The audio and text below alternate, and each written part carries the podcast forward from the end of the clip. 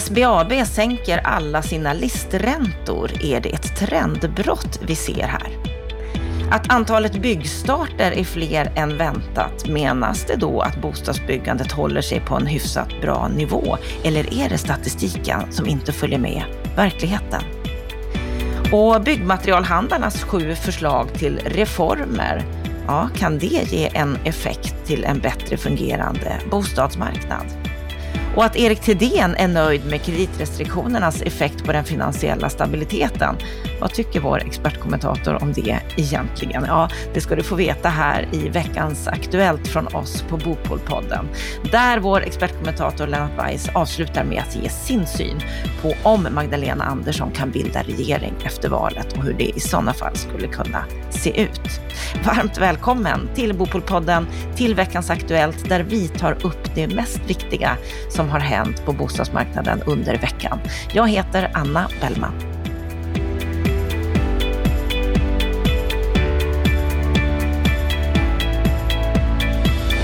Det har hänt mycket inom bostadspolitiken under veckan, så programmet den här veckan kommer att bli matnyttigt, lugnt sagt. Och vi ska börja med att vi den senaste tiden har vant oss vid höjda boräntor, men att SBAB nu sänker alla sina listräntor med mellan 0,05 och 0,33 procentenheter.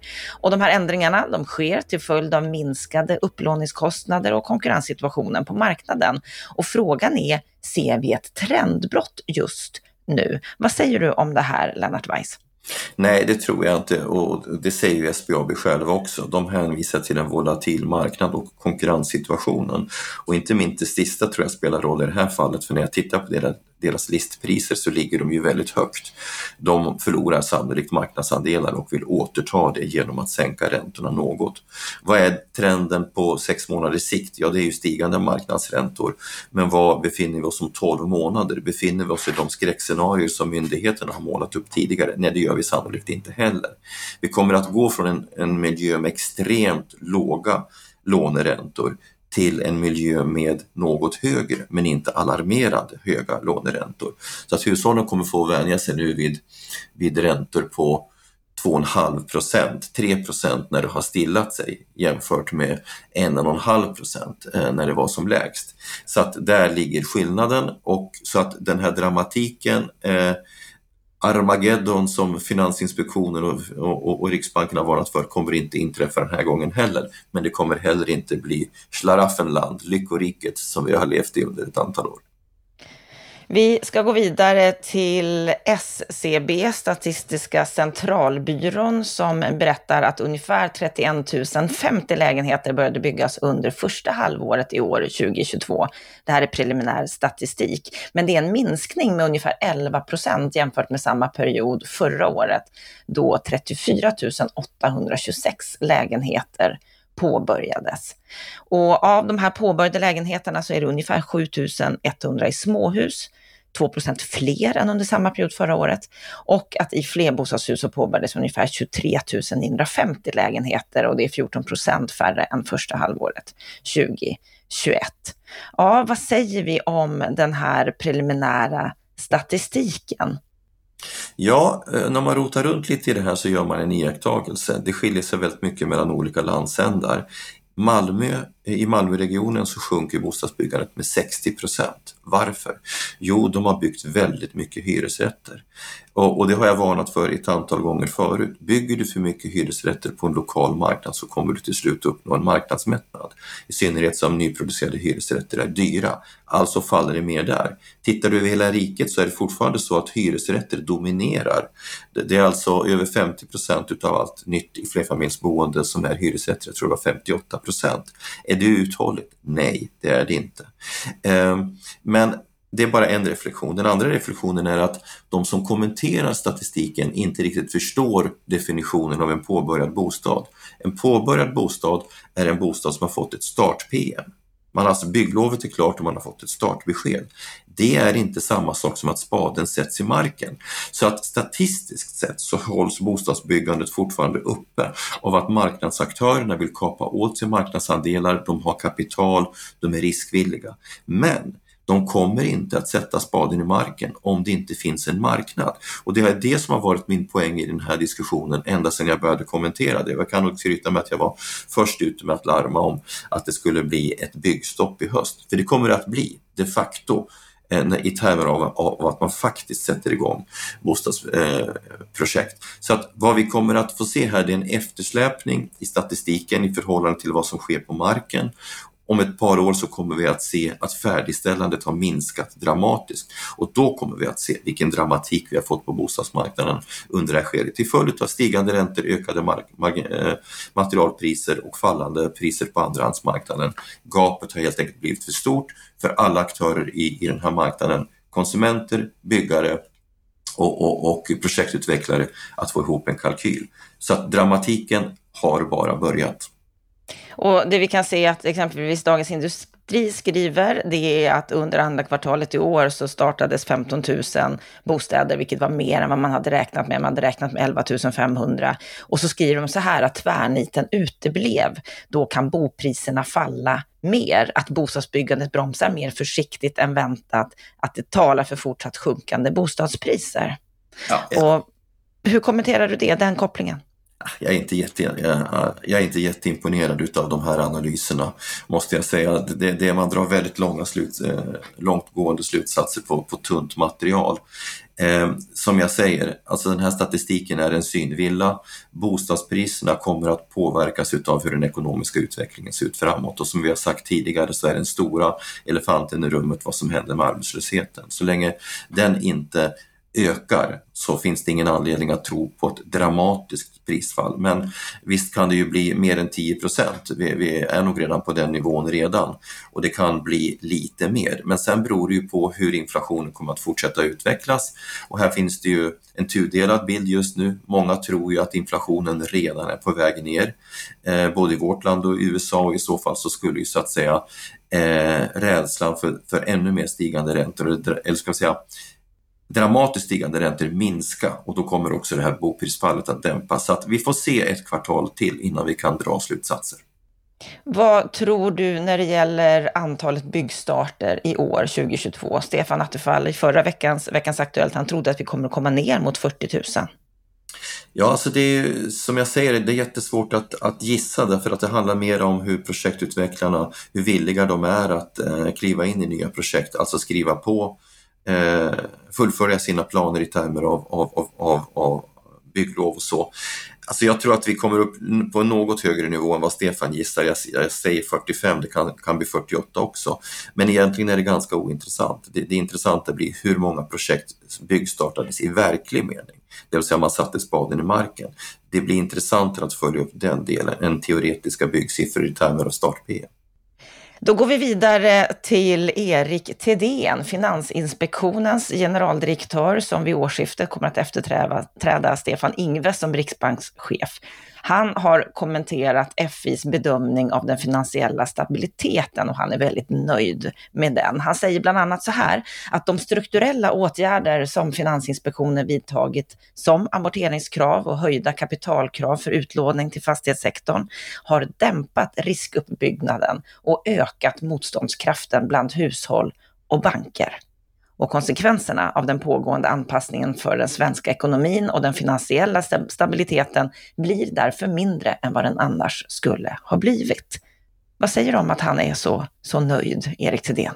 Mm, och samtidigt så är rubriken att nu kan eh, de risker vi har talat om komma att materialiseras. Så att han, han rycker ju samtidigt i, i, liksom, i, i krissnöret också som han ju alltid gör. Va? Nej, men det här är den obotfärdiges försvar naturligtvis.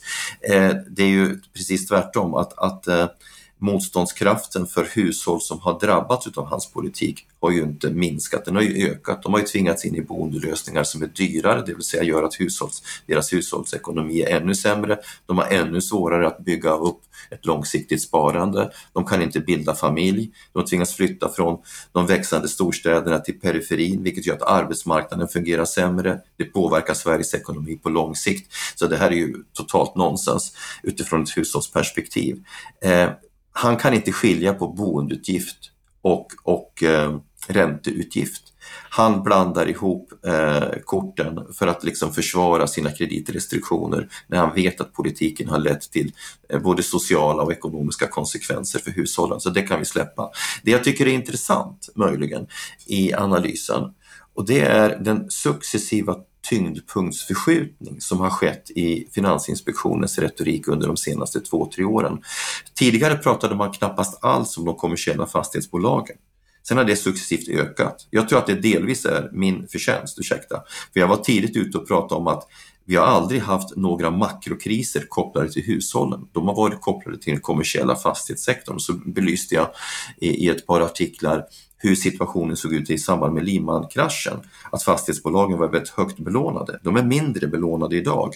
Jag skulle säga att fastighetsbolagen är mer robusta idag än i samband med Lehman-kraschen för att uppnå investment grade, det vill säga en attraktiva eh, finansieringsvillkor, så vill man inte ha en för hög belåningsgrad. Man vill att den ska ligga kring 50 procent. Där ligger fastighetsbolagen idag.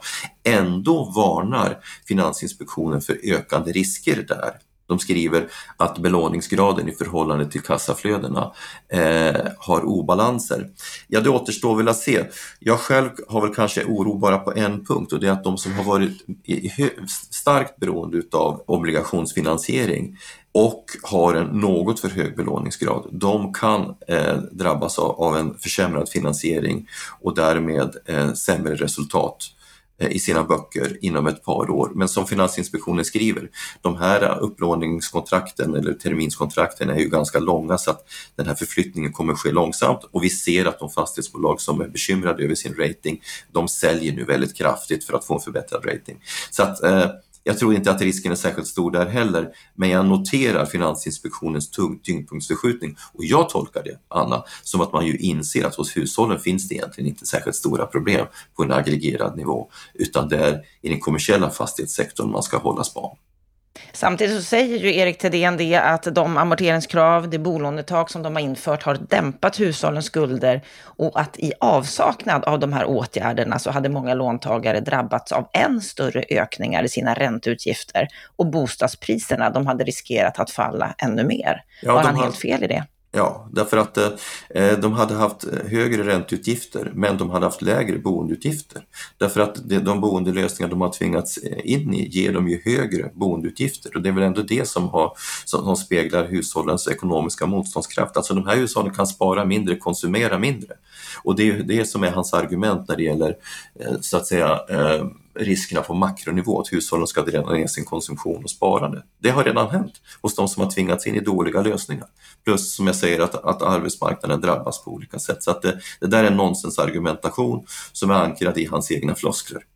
Vi går vidare här i veckans Aktuellt med eh, byggmaterialhandlarna som lägger sju förslag till reformer för en bättre fungerande bostadsmarknad. De menar att bostadsfrågan kan inte fortsätta att vara en icke-fråga. Det är Monica Björk som är VD på Byggmaterialhandlarna som har gått ut i byggvärlden och berättat om de sju förslag som de lägger. Och de sju förslagen, det är att man ska införa grönt rotavdrag, man ska öka cirkulariteten, kvalitet i byggmaterial i nyproduktion, återställa rotavdraget till 50% inspireras av Tyskland att införa ett oberoende bosparande i Sverige, att titta på Norge, ett lånesystem för personer med låg inkomst, att man ska lära av Finland, förstagångsköpare ska få låna upp till 95% av bostadens köpeskilling och sista förslaget är att man ska studera Danmark och Finland. Slopad reavinstskatt om du ägt din bostad en längre tid. Ja, Lennart, vad säger du om de här sju reformerna som byggmaterialhandlarna lägger fram? Ja, först så säger jag om Monica Björk, jag säger som matadorerna i Tjuren Ferdinand. Henne ska vi ha, in med henne i Bopolpodden. Det här är ju sju alldeles lysande förslag. Eh, jag säger make it happen. Det här är faktiskt en väldigt bra agenda, väldigt koncentrerad, som skulle ha både bostadssocial eh, påverkan och inte minst Eh, det första förslaget om ett grönt rot är ju helt perfekt och vältajmat. Det är för att det är som många har påpekat i debatten de senaste dagarna. Om vi ska undvika den här elkostnadschocken i vinter så behöver vi minska marginalförbrukningen. Och skulle vi minska marginalförbrukningen av energi i Europa med 5% då är vi tillbaka till energipriser före den här krisen. Det är, det är en ganska intressant siffra.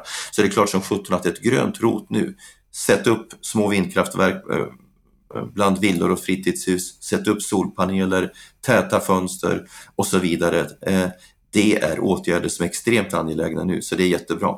Och hela den här listan är ju alldeles utmärkt designad och jag tycker att det är så kul att de har plockat upp olika typer av russin i kakan som finns i våra grannländer. Punkt 5 stötta de särskilt svaga på bostadsmarknaden genom ett särskilt bostadslån för de allra svagaste. Jag tolkar det som att de har plockat upp det så kallade boligtillskuddet som ges till ekonomiskt svaga hushåll i Norge för att de ska kunna ta sig ifrån den dyraste delen av bostadsmarknaden, det vill säga deras hyresmarknad, till den ägda marknaden.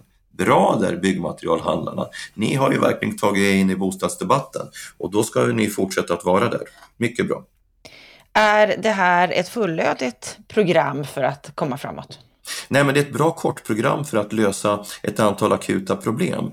Därför att eh, det adresserar Eh, efterfrågeproblematiken, svaga grupper, den akuta problematiken som vi har just nu. Och jag tycker också det sista förslaget om att slopa reavinstskatten om du har ägt din bostad länge. Alltså det är ett väldigt radikalt förslag som en bostadsminister, som en finansminister har, svår att svä, har svårt att svälja men det finns en logik i det i en bostadsmarknad som har en hög andel ägda bostäder. Sen skulle jag behöva fundera på det lite mer och räkna på det men jag tycker det är kul att de kastar in ett sådant förslag. Mm. Vi ska gå vidare och prata om bostadsrättsföreningars sparande.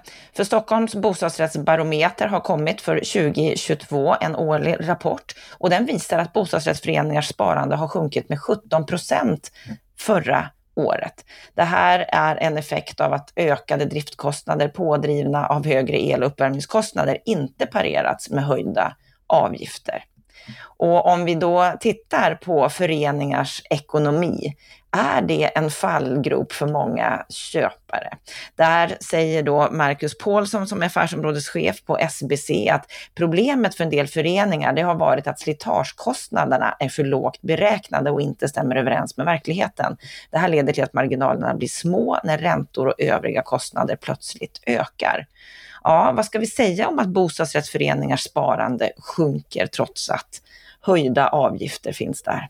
Stort ämne som förtjänar en egen Bopolpodd. Eh, jag ska säga så här att eh, här har vi en väldigt tudelad bild mellan olika BRFer, både när det gäller nyproduktion och succession. Vad gäller succession så tror jag att han kan ha rätt i att en del föreningar gör för, för svaga avsättningar och då betyder det att deras underhållsplaner behöver uppdateras. När det gäller nyproduktionen så vet vi att Eh, olika projektutvecklare har hanterat den här saken olika. Seriösa aktörer som Veidekke och andra, de valde ju att lägga in buffertar i sina ekonomiska planer som skulle ta höjd för ränteökningar och så. De föreningarna klarar sig bra eh, eh, så långt som den bufferten sträcker sig. Förhoppningsvis har man också amorterat. Föreningar som haft snävare ekonomiska planer har en annan situation och där borde ju mäklarna då vara mer aktiva och belysa hur det här ser ut. Men det gör de ju väldigt sällan för de är inte intresserade av att ta fram den här typen av faktorer som skulle kunna bromsa en försäljning. Så där vill jag ju knäppa mäklarna på näsan och säga skärpning. Men ämnet är stort så låt oss ta in det i Bopolpodden och eh, bottna ur det lite ytterligare. Jag tänker, har inte förvaltarna också ett, ett ansvar i det här som ju ofta ger råd när det gäller de ekonomiska planerna? Jo, om du har en förvaltare, men det är ju bara de större bostadsorganisationerna som har förvaltare, alltså externa experter som sitter där. De här förvaltarna som eh, Ja, det finns professionella förvaltare som också jobbar med BRF-ekonomi. Där har de naturligtvis ett ansvar, men det skiljer sig kompetensmässigt och engagemangsmässigt där också. Mm, och det skiljer sig mycket hos olika bostadsrättsföreningars styrelser. Definitivt. Som ju ofta har lekmän så att säga som mm. styrelseledamöter. Mm. Vi kanske ska fördjupa den här frågan som sagt i ett kommande program. Vi ska avsluta veckans Aktuellt med vår statsminister. För hon har nämligen gått ut och sagt att vi inte vill ha Chinatown, Somalitown eller Little Italy. Vi ska kunna bo blandat med de olika erfarenheter som vi har. Det är alltså Socialdemokraternas partiledare som vill att svenska bostadsområden ska vara blandade, där det ska talas både svenska och andra ja, det ska tala svenska och jämställdhet ska råda. Ja, vad säger du om Magdalena Anderssons utspel, eller vad vi ska kalla det för här? Välkommet men väldigt senfärdigt får man ju säga. För det här problemet har ju existerat i 30 års tid, i varje fall 20 års tid. Vi har Somali Towns eh, lokalt i, i, på en lång rad ställen runt om i landet.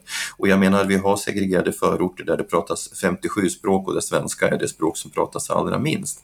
Och, och att eh, den sociala segregationen och den ekonomiska segregationen i de här stadsdelarna sitter ihop är ju alldeles uppenbart. Den sitter också ihop med en annan segregation, nämligen att vi har ensidiga upplåtelseformer som tyvärr Hyresgästföreningen fortsätter att försvara utan att förstå liksom, att man måste också bryta upp eh, boendestrukturen på olika sätt. Det måste vara möjligt i de här stadsdelarna att, att eh, eh göra en bostadskarriär, det måste finnas blandade upplåtelseformer. När människor får bättre ekonomi måste de vilja stanna kvar och stabilisera området och självklart måste det ske en språkutveckling. Så att det är bra att Socialdemokraterna har klivit in på den här arenan. Det skedde senfärdigt för man var rädd för att det här skulle uppfattas som rasism, att man skulle få en SD-stämpel.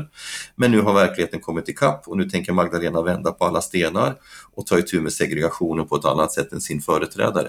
Bra säger jag, synd att det kommer så sent, men nu måste det också komma givet att hon blir statsminister, så måste det också komma ett konkret program och inte en massa duttande med, med mera symboliska projekt. Nu gäller det att gå från ord till handling, men det är en bra markering.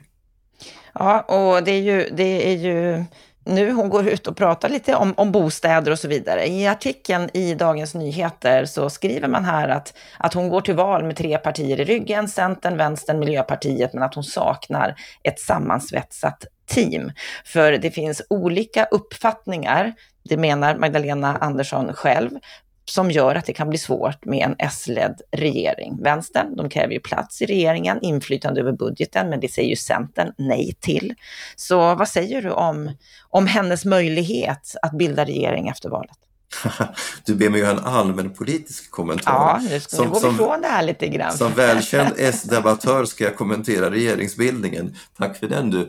Ja, alltså inte kommer vänstern in inom regeringen. Det kommer inte att hända, utan hennes chans att bilda en, en handlingsduglig regering är ju i så fall ihop med Centerpartiet eller som jag har sagt tidigare, varför inte en socialdemokratisk enpartiregering? Jag menar, skulle det vara ett, ett, mindre realistiskt alternativ än MKD som ju samlar 25 procent medan S samlar kring 30 procent.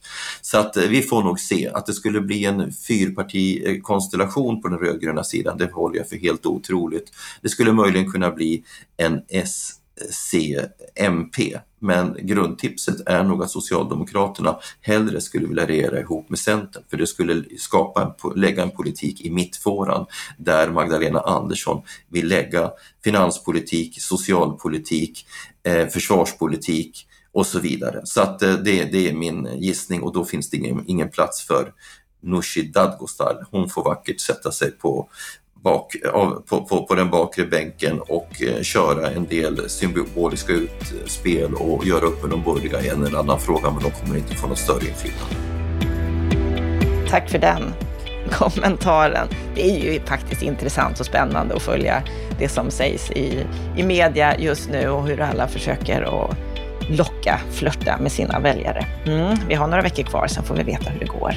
Stort tack för den här veckan Lennart Weiss. Stort tack också till dig som lyssnar på Bopolpodden och våra analyser.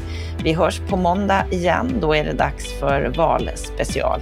Fram tills dess, ha en riktigt skön helg.